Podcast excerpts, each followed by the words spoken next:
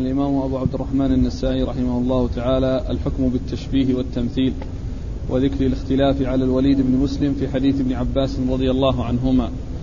قال أخبرنا محمد بن هاشم عن الوليد عن الأوزاعي عن الزهري عن سليمان بن يسار عن ابن عباس عن الفضل بن عباس رضي الله عنهم أجمعين أنه كان رديف رسول الله صلى الله عليه وآله وسلم غداة النحر فأتته امرأة من خثعم فقالت يا رسول الله إن فريضة الله عز وجل في الحج على عباده أدركت أبي شيخا كبيرا لا يستطيع أن يركب إلا معترضا.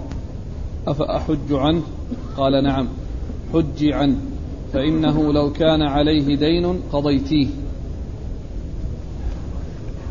بسم الله الرحمن الرحيم. الحمد لله رب العالمين وصلى الله وسلم وبارك على عبده ورسوله نبينا محمد وعلى آله وأصحابه أجمعين. أما بعد يقول النسائي رحمه الله الحكم بالتشبيه والتمثيل. المقصود من هذه الترجمة هو الحكم بالقياس وإلحاق الشبيه بالشبيه والنظير بالنظير. ومن المعلوم أن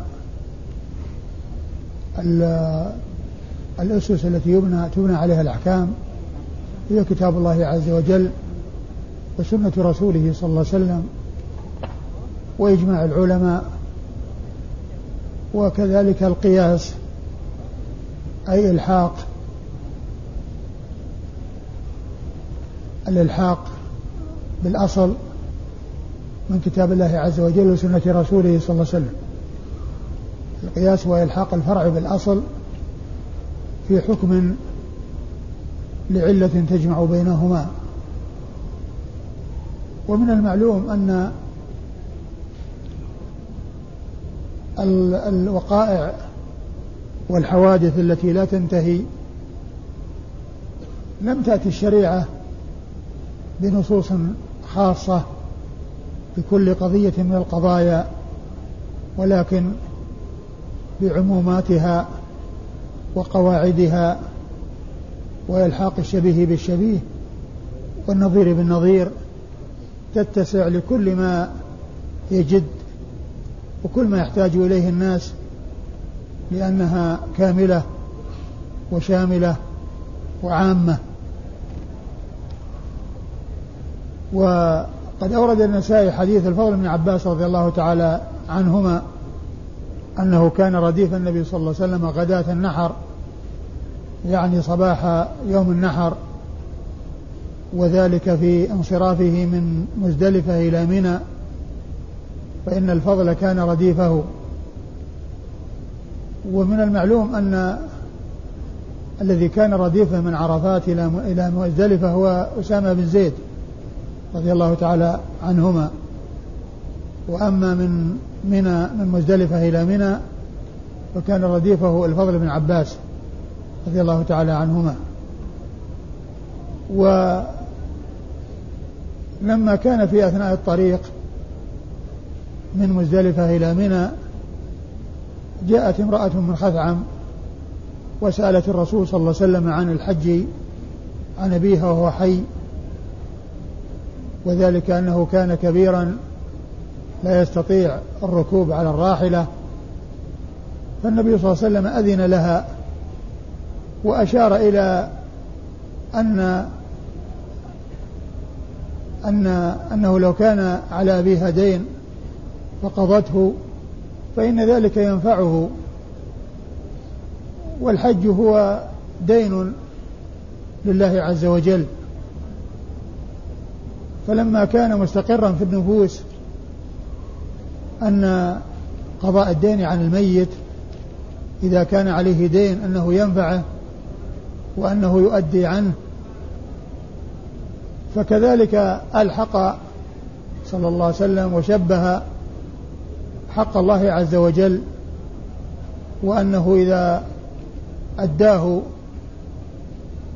عن الشخص غيره إذا كان لا يستطيع أن يؤديه وذلك في حدود ما هو سائغ ومشروع فإن ذلك ينفعه. وهذه المرأة تخبر بأن أباها كان شيخا كبيرا لا يستطيع السفر والركوب. ف واستأذنته في أن تحج عنه فأذن لها وشبه حجها عنه الذي هو قضاء هذا الدين الذي لله عليه بما لو كان على أبيها دين لإنسان ثم قضته فإن ذمته تبرأ بذلك. ويكون قد وتكون قد أدت ما على أبيها من الحق بسدادها الدين الذي عليه. والحاصل أن الحديث واضح للدلالة على الترجمة وذلك من آخره. قال ما لو كان على أبيك دين فقضيتيه. يعني فإن هذا يشبهه وهذا يماثله. ثم إن الحج عن الحي آه، يصح في حالتين اثنتين. إحداهما هذه الحالة التي هي الكبر والهرم الذي لا يستطاع, لا يستطاع معه السفر والركوب والتحرك والانتقال. والثانية أن يكون مريضا مرضا لا يرجى برؤه أن يكون مريضا مرضا لا يرجى برؤه فهاتان الحالتان هما اللتان يسوغ للحي أن يحج يسوغ يسوغ أن يحج عن الحي فيهما في حالة الهرم وعدم القدرة على الركوب وفي حالة المرض الذي لا يرجى برؤه. نعم. قال أخبرنا محمد بن هاشم محمد بن هاشم هو البعلبكي وهو صدوق ولا ثقة؟ صدوق. صدوق أخرج حديث النسائي وحده. عن الوليد. عن الوليد بن مسلم وهو ثقة يدلس وحديثه أخرجه أصحاب كتب الستة. عن الأوزاعي. الأوزاعي وهو عبد وهو عمرو وهو عبد الرحمن بن عمرو. أبو عمرو. الأوزاعي ثقة فقيه. فقيه الشام ومحدثها وحديثه أخرجه أصحاب كتب الستة. عن الزهري عن الزهري وهو محمد بن مسلم بن عبيد الله بن شهاب الزهري ثقة أخرج له أصحاب الكتب الستة. عن سليمان بن يسار. عن سليمان بن يسار وهو ثقة فقيه أحد فقهاء المدينة السبعة في عصر التابعين أخرج له أصحاب الكتب الستة والفقهاء السبعة في المدينة في عصر التابعين كانوا في آه، سن متقاربة وستة اتفق على عدهم في الفقهاء السبعة والسابع فيه ثلاثة أقوال فالمتفق عليهم هم سليمان بن يسار هذا وعروة بن الزبير بن العوام وخارجة بن زيد بن ثابت وسعيد بن المسيب والقاسم بن محمد بن أبي بكر الصديق وعبيد الله بن عبد الله بن عتبة بن مسعود. هؤلاء ستة متفق على عدهم في الفقهاء السبعة. وأما السابع ففيه ثلاثة أقوال. قيل السابع سالم بن عبد الله بن عمر بن الخطاب. وقيل أبو سلمة بن عبد الرحمن بن عوف. وقيل أبو بكر بن عبد الرحمن بن الحارث بن هشام. وسليمان بن يسار الذي معنا في الإسناد هو أحد الستة المتفق على عدهم في الفقهاء السبعة. ويروي عن عبد الله بن عباس وهو عبد الله بن عباس بن عبد المطلب ابن عم النبي صلى الله عليه وسلم وأحد العبادلة الأربعة من أصحابه الكرام عبد الله بن عمر عبد الله بن عباس عبد الله بن الزبير عبد الله بن عمر عبد الله بن عمر رضي الله عنهم وعن الصحابة أجمعين.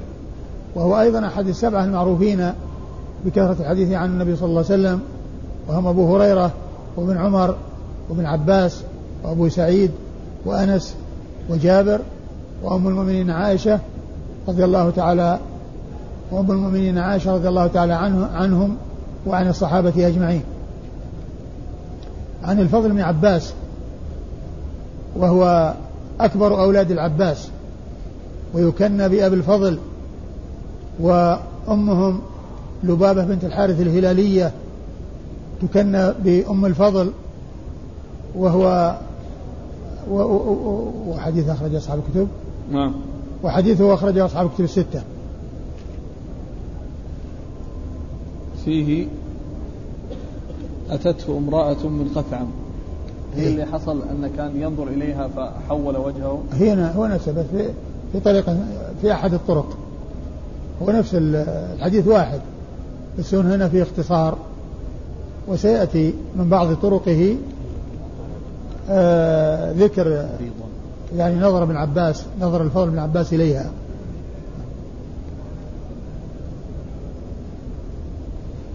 كذلك قولها لا يستطيع أن يركب إلا معترضا.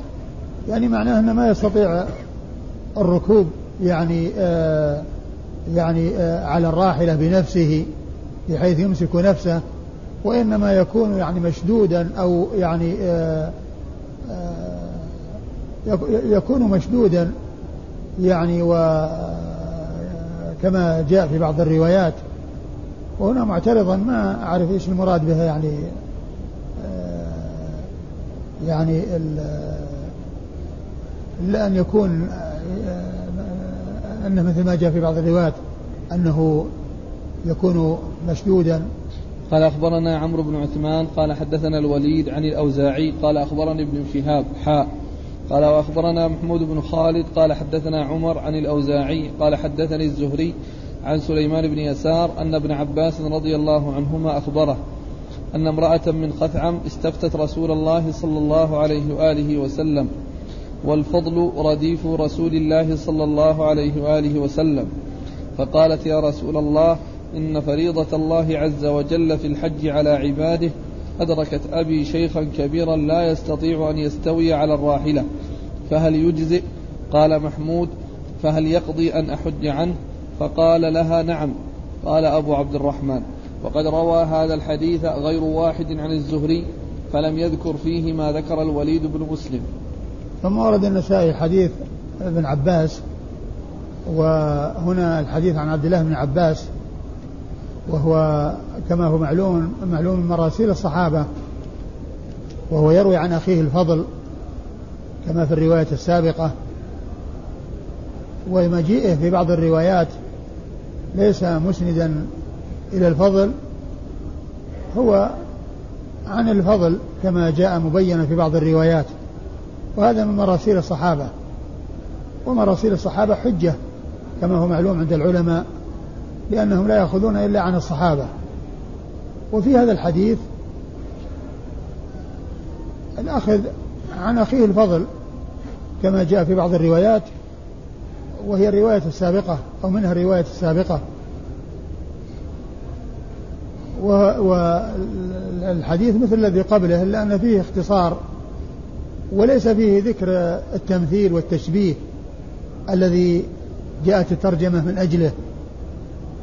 وهو الحكم بالتشبيه والتمثيل وإنما هو مختصر ولكن كما هو معلوم في بعض الروايات جاءت فيه هذه آه، آه، هذه الصيغة التي هي المطابقة للترجمة. قال أخبرنا عمرو بن عثمان. عمرو بن عثمان هو الحمصي وهو صدوق أخرج حديث أبو داود والنسائي وابن ماجه. عن الوليد عن الأوزاعي عن ابن شهاب حاء قال وأخبرنا محمود بن خالد. ثم قال وأخبرنا محمود بن خالد وهو ثقة أخرج حديثه مسلم وأصحاب السنن. أبو داود والنسائي وابن ماجه. أخرج حديثه مسلم أخرج حديثه أبو داود والنسائي وابن ماجه مثل الشيخ الأول الذي هو عمرو بن عثمان. عن عمر. عن عمر بن عبد الواحد وهو ثقة ولا صدوق؟ ثقة. ثقة أخرج حديث أبو داود والنسائي وابن ماجه. نعم. وثقة أخرج حديث أبو داود والنسائي وابن ماجه. عن الأوزاعي عن الزهري عن سليمان بن يسار عن ابن عباس. وقد مر ذكرهم جميعا. قال في آخره قال أبو, أبو عبد الرحمن وقد روى هذا الحديث غير واحد عن الزهري فلم يذكر فيه ما ذكر الوليد بن مسلم. وسيذكر يعني آه الذين رووه عن غير الزهري. اي بس إيش اللي ما ذكره؟ يقول نعم. وقد روى هذا الحديث غير واحد عن الزهري فلم يذكر فيه ما ذكر الوليد بن مسلم. ما أدري. قال قال الحارث بن مسكين قراءة عليه وأنا أسمع عن ابن القاسم قال حدثني مالك عن ابن شهاب عن سليمان بن يسار عن عبد الله بن عباس رضي الله عنهما أنه قال كان الفضل بن عباس رضي الله عنهما رديف رسول الله صلى الله عليه وآله وسلم. فجاءته امرأة من خثعم تستفتيه فجعل الفضل ينظر إليها وتنظر إليه وجعل رسول الله صلى الله عليه وآله وسلم يصرف وجه الفضل إلى الشق الآخر. فقالت يا رسول الله إن فريضة الله عز وجل على عباده في الحج أدركت أبي شيخا كبيرا لا يستطيع أن يثبت على الراحلة أفأحج عنه؟ قال نعم وذلك في حجة الوداع. ثم ورد النسائي حديث ابن عباس رضي الله تعالى عنهما وهو مثل الذي قبله وليس فيه ذكر ما ترجم له أو ترجم به وهو الحكم بالتشبيه والتمثيل. ولكنه مشتمل على القصة وهو مختصر ليس فيه ذكر التشبيه والتمثيل. وفيه زيادة أن الفضل بن عباس كان ينظر إليها وتنظر إليه والنبي صلى الله عليه وسلم كان يصرف وجهه إلى الشق الآخر يعني إلى الجهة الأخرى التي ليس في ليست آه، أمامه المرأة. و وفي هذا يعني آه، تغيير المنكر باليد لأن كونه أدار رأسه لئلا ينظر إليها هذا من تغيير المنكر. و وفيه بيان بالفعل بيان الحكم بالفعل لأن كونه أدار رأسه يعني دل على أن ذلك غير سائغ وأنه لا يجوز. ومن المعلوم أن أنه قد جاء في القرآن الكريم النهي أو الأمر بغض الأبصار في حق الرجال وفي حق النساء. فالرجال مأمورون بأن يغضوا أبصارهم ويحفظوا فروجهم والنساء كذلك مأمورات بأن يغضون أبصارهن ويحفظن فروجهن. ثم وأما بالنسبة للمرأة كونها تنظر إليه فمن المعلوم أنه كان رديف النبي صلى الله عليه وسلم وهي مقابلة لهما جميعا. وهي مقابلة لهما جميعا. فكان ينظر إليها وتنظر إليه والنبي صلى الله عليه وسلم صرف نظر الفضل ابن عباس رضي الله تعالى عنهما عن النظر إليها. والحديث يستدل به من يقول بكشف الوجه وأن المرأة تكشف وجهها يعني ولا تغطي وجهها. وقد أجاب القائلون بأن كشف الوجه لا يسوغ ولا يجوز بل على المرأة أن تغطي وجهها وأن لا يراها إلا محارمها. يستدلون على ذلك بأدلة كثيرة ويجيبون عن هذا الحديث بأجوبة منها أنه أن هذا كان في الحج والمرأة إحرامها في وجهها ومنها أنه قد يكون يعني النظر إلى هيئتها وإلى شكلها ومن المعلوم أن النساء يتفاوتن في الهيئات والأشكال ففيهن من يكون شكلها وهيئتها ومنظرها يعني جميلا. ومنهن من تكون هيئتها وإن كانت يعني آه، محتجبة يعني آه، بخلاف ذلك. ومن المعلوم أنه قد جاء نصوص كثيرة دالة على أن الوجه يغطى ولا يكشف. إلا في حق من يسوغ كشفه له وهم المحارم ومن أوضحها ما مر بنا قريبا في ذكر الأحاديث التي فيها إرخاء الذيول حتى تغطي أقدامهن فإن الشريعة التي جاءت بتغطية الأقدام وهي ليست محل فتنة والفتنة إنما هي في الوجه لا شك أن تغطية الوجه أولى وأهم من تغطية الرجلين. وأهم لأن النظر إلى الرجلين ليس فيه فتنة وإنما الفتنة في الوجه الذي هو موطن الجمال وموطن الحسن وتتفاوت النساء في الحسن في الغالب في الوجوه. قال قال الحارث بن مسكين قراءة عليه الحارث بن مسكين المصري ثقة أخرج حديثه أبو داود والنسائي. وقوله قال الحارث المسكين هذه الصيغة يستعملها النسائي فيما سمعه أو فيما سمعه مقروءا على يعني آه، الحارث المسكين وهو يسمع ولكن يعبر النسائي أحيانا يقول أخبرنا الحارث المسكين قراءة عليه وأنا أسمع وأحيانا يقول قال الحارث المسكين قراءة عليه وأنا أسمع. والفرق بين الحالتين أن النسائي له مع الحارث المسكين حالتان. إحداهما أنه كان بينه وبينه انسجام فكان يأذن له ويأتي ويسمع الحديث منه فكان يعبر في هذه الحالة بقوله أخبرنا. وفي حالة أخرى كان بينه وبين سوء تفاهم وبينهم وحشة وكان يمنعه من أن يحضر مجلسه فكان يأتي من وراء ستار ويسمع ثم يحدث بما سمعه. وهذه طريقة جائزة عند العلماء أي أن الإنسان يسمع ويحدث بما سمع وإن لم يكن مقصودا بالتسميع والتحديث فكان النسائي في هذه الحالة يعبر بقوله قال الحارث المسكين قراءة عليه وأنا أسمع ولا يقول أخبرني لأنه ما أراد إخباره. في هذه الحالة ما أراد إخباره. فهذا هو الفرق بين الحالتين. أيوة. عن ابن القاسم. عن ابن القاسم هو عبد الرحمن بن القاسم صاحب الإمام مالك وهو ثقة أخرج حديثه البخاري وأبو داود في المراسيل والنسائي. عن مالك.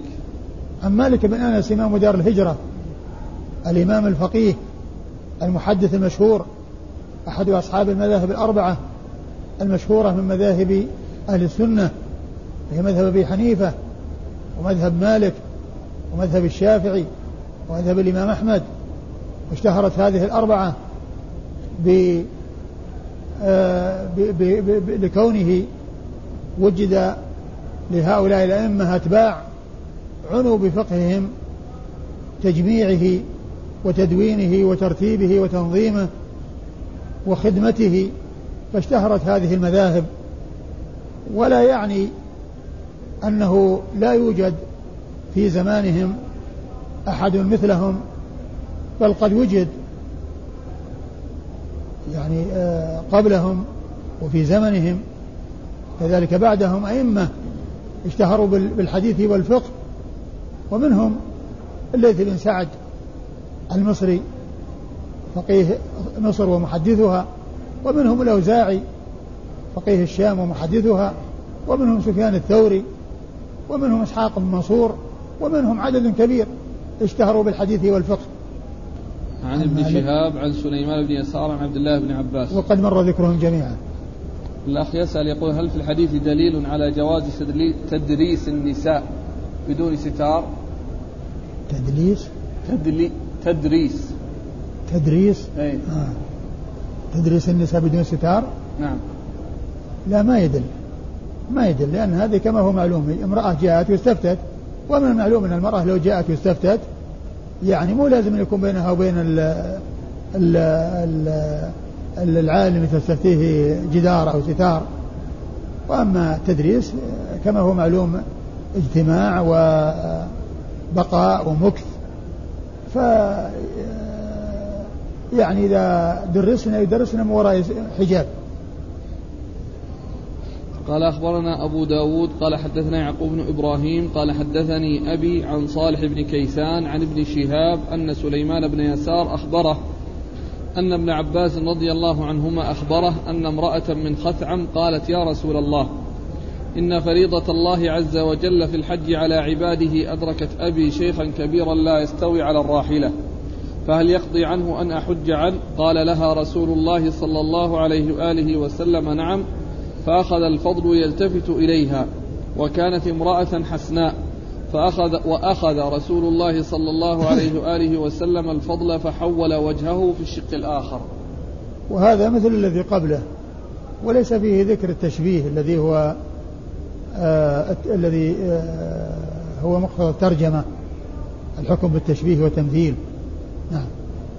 قال أخبرنا أبو داود. أبو داود هو سليمان بن سيف الحراني وهو ثقة أخرج حديثه النسائي وحده.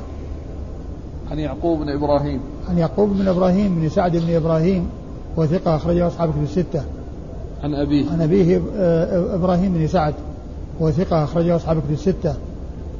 عن صالح, صالح بن كيسان. ثقة أخرج له أصحاب كتب الستة. عن ابن شهاب عن سليمان بن يسار عن ابن عباس. عن ابن شهاب عن سليمان بن يسار عن ابن عباس وقد مر ذكرهم. قال رحمه الله تعالى ذكر الاختلاف على يحيى بن أبي إسحاق فيه.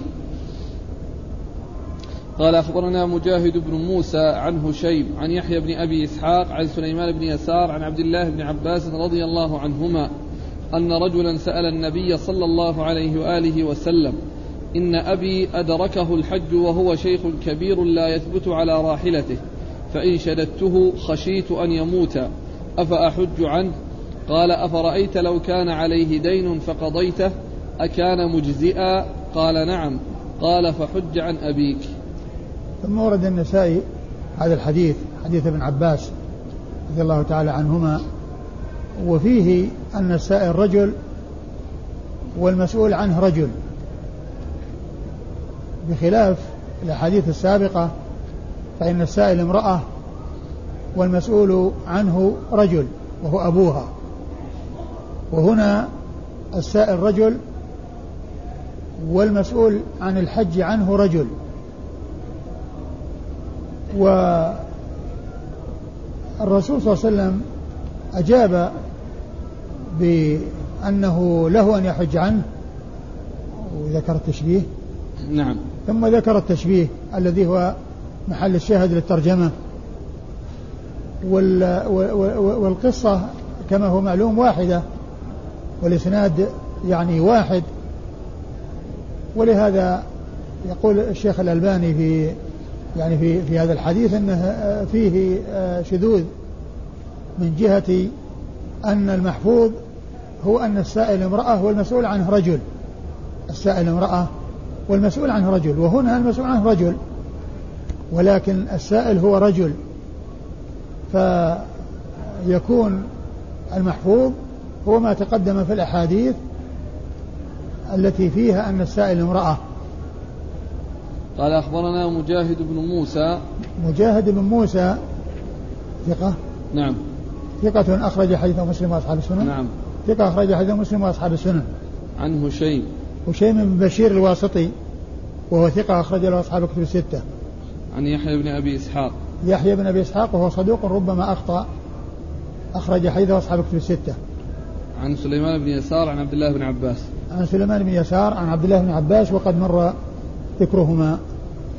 قال أخبرنا أحمد بن سليمان قال حدثنا يزيد قال حدثنا هشام عن محمد عن يحيى بن أبي إسحاق عن سليمان بن يسار عن الفضل بن العباس رضي الله عنهما أنه كان رديف النبي صلى الله عليه وآله وسلم.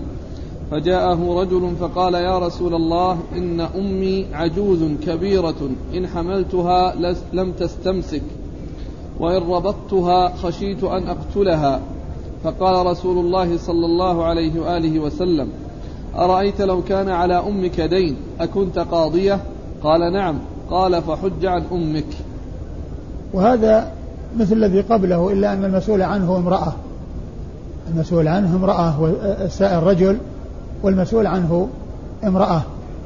والباقي مثله وهو مشتمل على التشبيه والتمثيل الذي آه، ذكرت الترجمة وسيقة الأحاديث تحتها وهو مثل الذي قبله.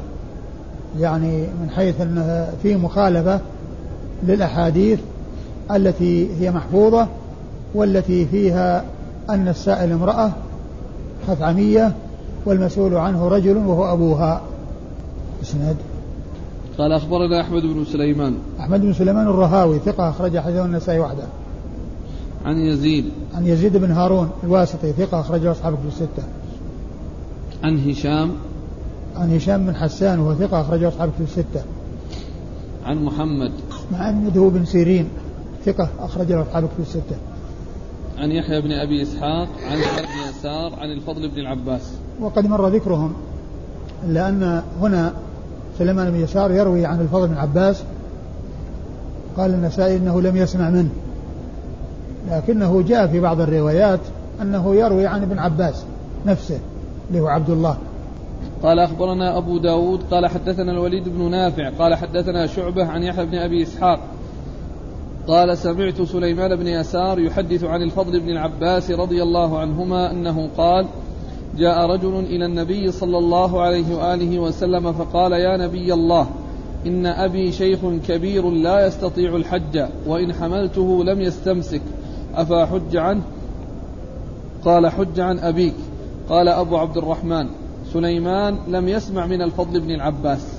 ثم ورد النسائي حديث ابن عباس حديث الفضل بن عباس رضي الله تعالى عنهما وهو مثل الذي قبله وهنا السائل رجل والمسؤول عنه رجل. السائل رجل والمسؤول عنه رجل فهو مثل الرواية التي قبل الماضية التي هي يعني الماضية السائل رجل ومسؤول عنه امرأة.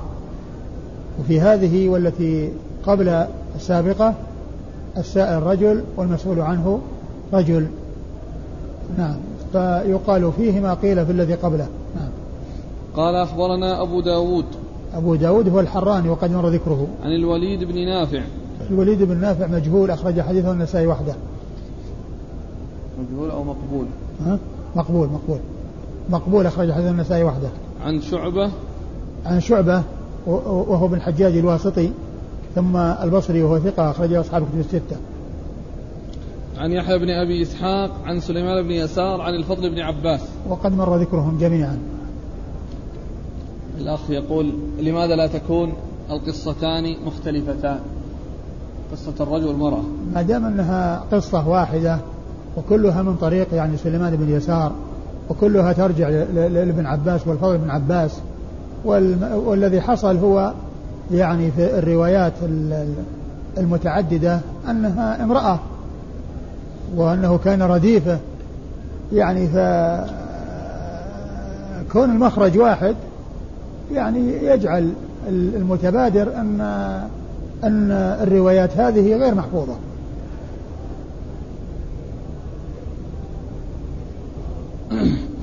قال أخبرنا محمد بن معمر قال حدثنا أبو عاصم عن زكريا بن إسحاق عن عمرو بن دينار عن أبي الشعثاء عن, أبي عن ابن عباس رضي الله عنهما أن رجلا جاء إلى النبي صلى الله عليه وآله وسلم فقال إن أبي شيخ كبير أفأحج عنه؟ قال نعم. أرأيت لو كان عليه دين فقضيته أكان يجزئ عنه؟ عن ابن عباس. عن ابن عباس. أيوة. أن رجلا جاء إلى النبي صلى الله عليه وآله وسلم فقال إن أبي شيخ كبير أفأحج عنه؟ قال نعم أرأيت لو كان عليه دين فقضيته أكان يجزئ عنه؟ ثم ورد النسائي حديث ابن عباس رضي الله تعالى عنهما وفيه آه، استفتاء رجل النبي صلى الله عليه وسلم للحج عن أبيه وأفتاه بالحج عنه وذكر التشبيه والتمثيل الذي جاءت الترجمة من من من أجله. وهو الحكم بالتشبيه والتمثيل. نعم. قال أخبرنا محمد بن معمر. محمد بن معمر البحراني وهو صدوق أخرج حديث أصحاب الكتب بل هو شيخ لأصحاب الكتب. عن عن أبي عاصم. عن أبي عاصم وهو الضحاك بن مخلد أبو عاصم النبيل ثقة أخرجه أصحاب الكتب الستة. عن زكريا بن إسحاق. عن زكريا بن إسحاق وهو ثقة أخرجه أصحاب الكتب الستة عن عمرو بن دينار عن عمرو بن دينار المكي ثقة أخرجه أصحاب الكتب الستة. عن أبي الشعثاء. عن أبي الشعثاء جابر بن زيد وهو ثقة أخرجه أصحاب الكتب الستة. عن ابن عباس. عن ابن عباس وقد مر ذكره. قال رحمه الله تعالى: الحكم باتفاق أهل العلم قال أخبرنا محمد بن العلاء قال حدثنا أبو معاوية عن الأعمش عن عمارة هو ابن عمير عن عبد الرحمن بن يزيد أنه قال أكثروا على عبد الله رضي الله عنه ذات يوم فقال عبد الله إنه قد أتى علينا زمان ولسنا نقضي ولس ولسنا هنالك ثم إن الله عز وجل قدر علينا أن بلغنا ما ترون فمن عرض له منكم قضاء بعد اليوم فليقض بما في كتاب الله فإن جاء أمر ليس في كتاب الله فليقض بما قضى به نبيه صلى الله عليه وآله وسلم. فإن جاء أمر ليس في كتاب الله ولا قضى به نبيه صلى الله عليه وآله وسلم فليقض بما قضى به الصالحون. فإن جاء أمر ليس في كتاب الله ولا قضى به نبيه صلى الله عليه وآله وسلم ولا قضى به الصالحون فليجتهد رأيه ولا يقول إني أخاف وإني أخاف. فإن الحلال بين والحرام بين وبين ذلك أمور مشتبهات. فدع ما يريبك إلى ما لا يريبك. قال أبو عبد الرحمن هذا الحديث جيد جيد. ثم ورد النسائي هذه الترجمة الحكم باتفاق أهل العلم. الحكم باتفاق أهل العلم. يعني أن من الطرق التي يعول عليها في الحكم الإجماع والاتفاق. كما ذكرت الأدلة هي الكتاب والسنة والإجماع. الأدلة والكتاب الكتاب والسنة والإجماع. وقد اشتمل هذا الأثر عن ابن مسعود رضي الله تعالى عنه, عنه على هذه الأمور الثلاثة وهي الكتاب والسنة والإجماع الذي هو اتفاق أهل العلم. و ال ال وهذا هو الذي فهمه النسائي يعني من إيراد الحديث من جهة قوله وما قضى به الصالحون أي إجماعهم أي ما أجمعوا عليه. ويمكن أن يكون المراد بالصالحون يعني من سبق من الصحابة كالخلفاء الأربعة الذين كانت تعرض لهم القضاء والقضاء القضايا ويقضون بها فإن الأخذ بقضائهم والأخذ باجتهادهم حيث لا نص من كتاب الله ولا من سنة رسول الله صلى الله عليه وسلم لا لا شك أنه من من, من يعني من أولى ما يكون يعني حيث يعني لا يوجد نص من كتاب ولا سنة ولكن يوجد حكم للخلفاء الراشدين أو لأحد الخلفاء الراشدين وهم الذين سبقوا وتقدموا كما قال قال ابن عباس وما قضى به الصالحون يعني فيما مضى وما قضى به الصالحون فيما مضى. والنسائي فهم من قوله وما قضى به الصالحون الإجماع يعني الذي أجمعوا عليه واتفقوا عليه ولا شك أن الإجماع حجة وهو طريق من الطرق التي يعول عليها ويستند إليها في الأحكام. إيش الأولى؟ قال قال ابن عن عبد الرحمن بن يزيد قال أكثر على عبد الله ذات يوم. أكثر على عبد الله يعني ابن مسعود رضي الله عنه ذات يوم من المسألة. وذكر المسائل التي تقع ويحتاج إلى معرفة الجواب عنها والإفتاء فيها أكثر عليه. فقال إنه قد أتى علينا زمان ولسنا نقضي ولسنا هنالك. يعني أتى علينا زمان لسنا نقضي قد كفينا. يعني قام بالأمر يعني غيرنا ويعني يرجع الناس في الغالب إلى غيرنا. كرجوعهم للخلفاء الراشدين الأربعة. ومن المعلوم أن ابن مسعود رضي الله عنه توفي في خلافة عثمان في آخرها سنة 32 سنة 32 من الهجرة. يعني فكان يعني آه، مضى وقت يعني قد كفي ويرجع الناس إلى غيره ويرجعون إليه ولكن هذه الكثرة وكثرة الرجوع إليه يعني حصل أخيرا فقال ولسنا يعني آه، هناك؟ ولسنا هنالك. أي ولسنا هنالك؟ نعم. ثم إن الله عز وجل قدر علينا أن بلغنا ما ترون. إن الله قدر علينا أن بلغنا ما ترون بحيث يعني كنا مرجع والناس يرجعون إلينا ويحتاجون إلينا. نعم. فمن عرض له منكم قضاء بعد اليوم فليقضي بما في كتاب الله. فمن عرض له قضاء فليقضي بما في كتاب الله. وهذا هو الأساس. ومن المعلوم أن الكتاب والسنة والإجماع كلها أساس ولكنها مرتبة. الكتاب والسنة والإجماع. الكتاب والسنة والإجماع. يعني فيبحث عن الكتاب وما جاء في الكتاب لأنه هو الكتاب الذي أنزله الله على رسوله صلى الله عليه وسلم ثم يبحث في قضاء الرسول صلى الله عليه وسلم وما جاء عنه من السنن. ثم أيضا بعد ذلك يرجع إلى الإجماع أو الاختلاف ومعرفة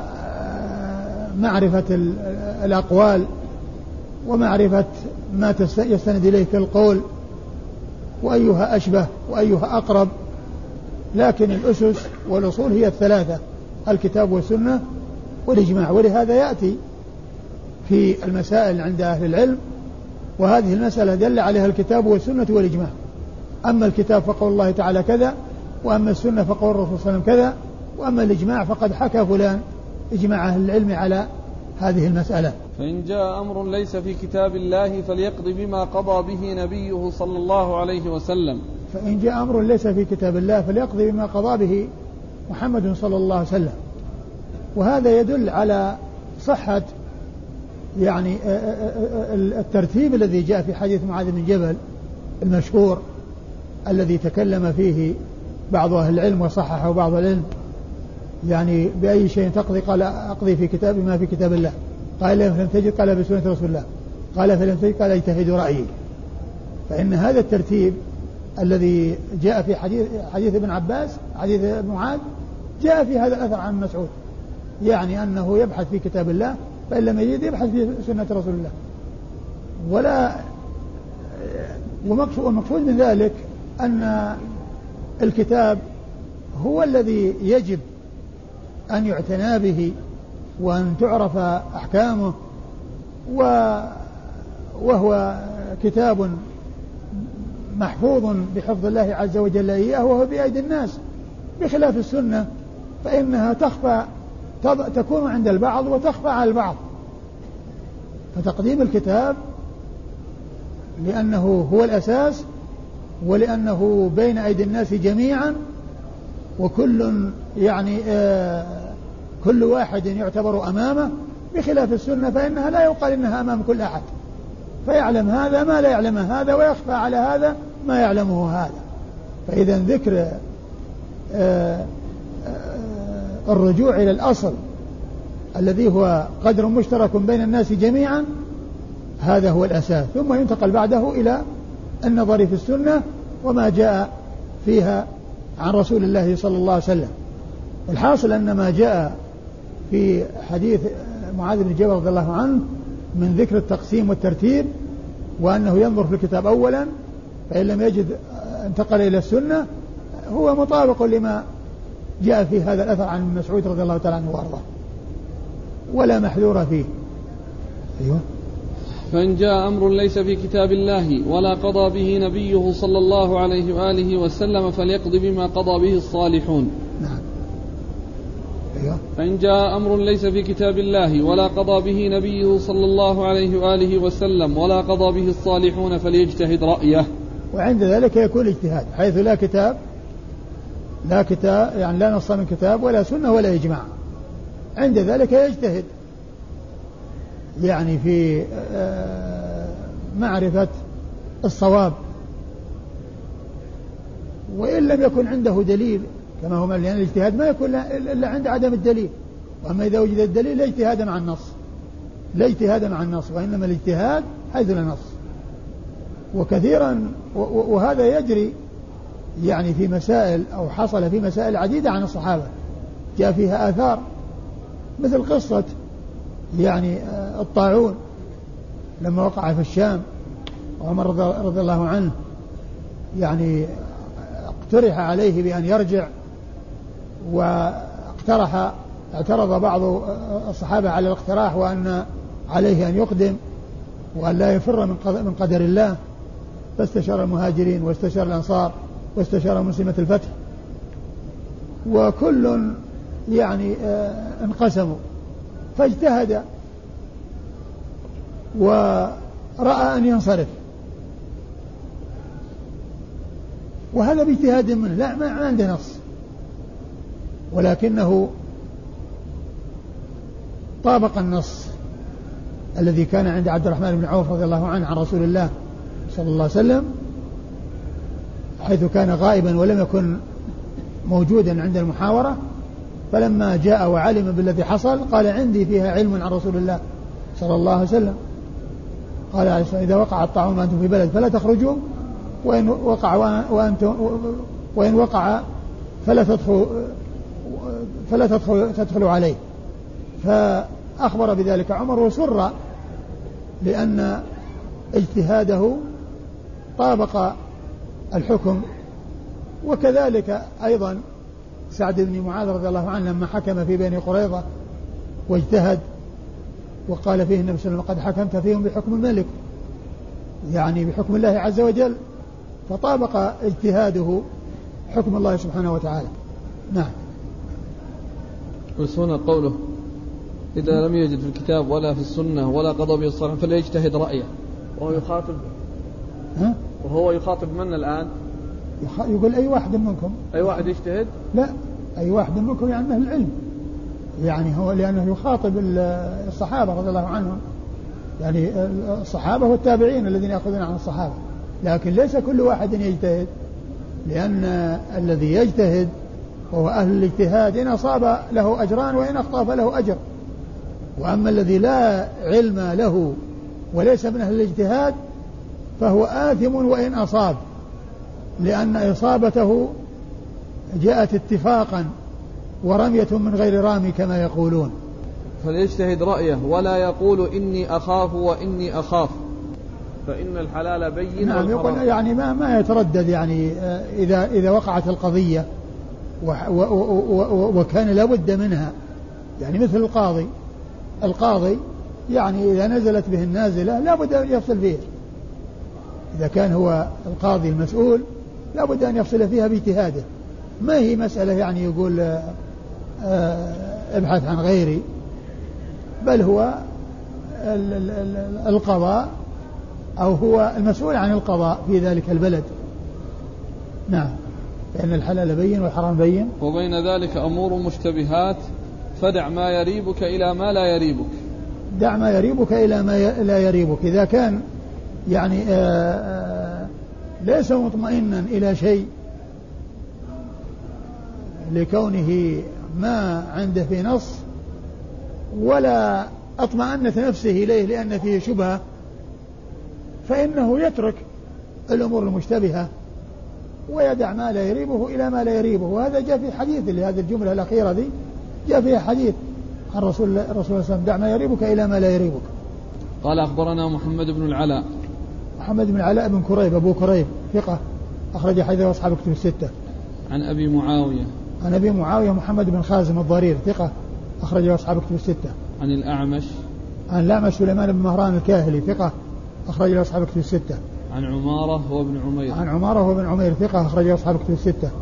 عن عبد الرحمن بن يزيد. عن عبد الرحمن بن يزيد بن قيس النخعي وهو ثقة أخرج له أصحاب كتب الستة.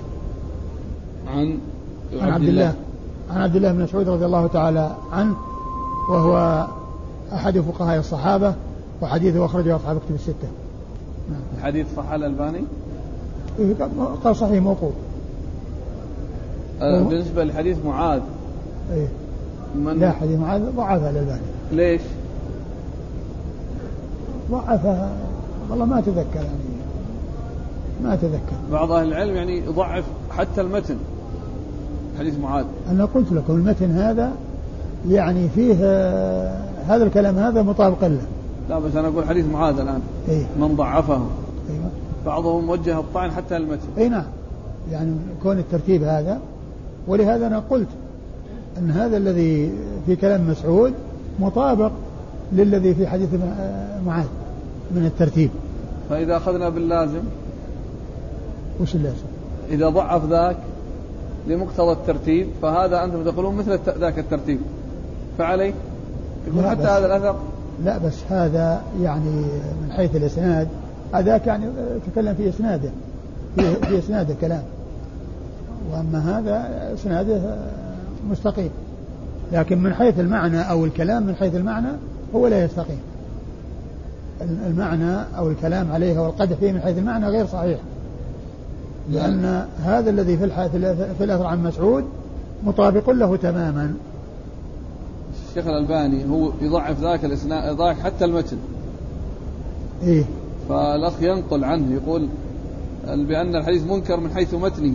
إلى جانب ضعفه لأن السنة غير مستقلة عن الكتاب لأن السنة تبين الكتاب وتفسره. فهل يقال في هذا الأثر ما قيل في ذاك؟ أنا أقول أن الأثر مستقيم والحديث متنه مستقيم اللي هو حديث ابن عباس. وكما قلت يعني صححه بعض أهل العلم صححه الشوكاني أو هو الصنعاني.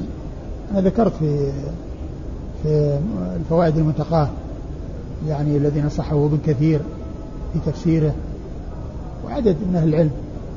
ذكرت الذين صححوه وأشرت إلى كلام الألباني فيه والحديث الموطن الذي تكلم عليه فيه في السلسلة الضعيفة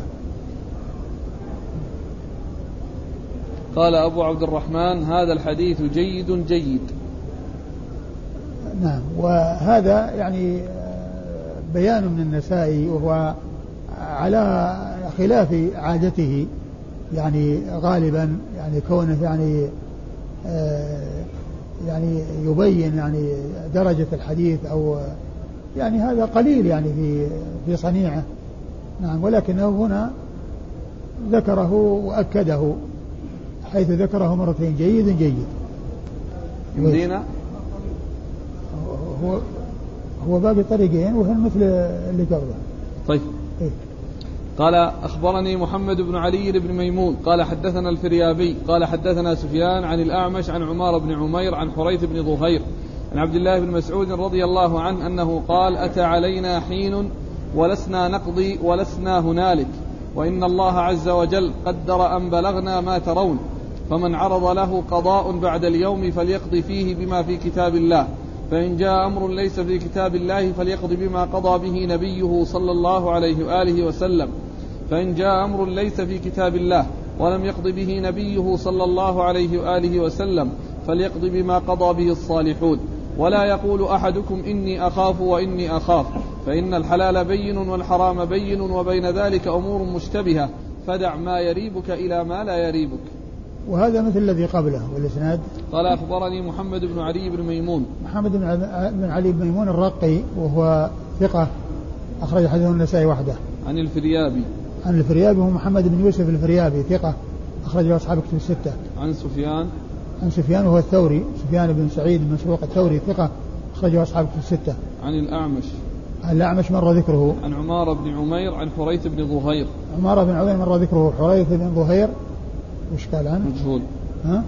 مجهول. مجهول. أخرج حديث النسائي وحده؟ نعم. مجهول. أخرج حديث النسائي وحده. عن عبد الله. عن عبد الله وقد مر ذكره. قال أخبرنا محمد بن بشار قال حدثنا أبو عامر قال حدثنا سفيان عن الشيباني عن الشعبي عن شريح أنه كتب إلى عمر رضي الله عنه يسأله فكتب إليه أن اقض بما في كتاب الله فإن لم يكن في كتاب الله فبسنة رسول الله صلى الله عليه وآله وسلم. فإن لم يكن في كتاب الله ولا في سنة رسول الله صلى الله عليه وسلم فاقض بما قضى به الصالحون.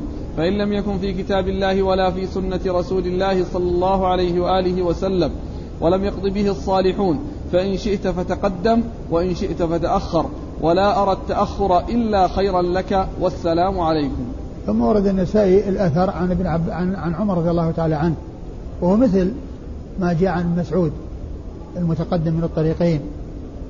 وفيه أنه يعني بعد ما ذكر الثلاثة التي جاءت في أثر مسعود قال فإن شئت فتقدم وإن شئت تأخر يعني اجتهد. و و ولا أرى التأخر إلا خيرا لك يعني حيث لا يتضح لك شيء. وهو مطابق قوله دع ما يريبك إلى ما لا يريبك. يعني في أثر مسعود دع ما يريبك إلى ما يريبك.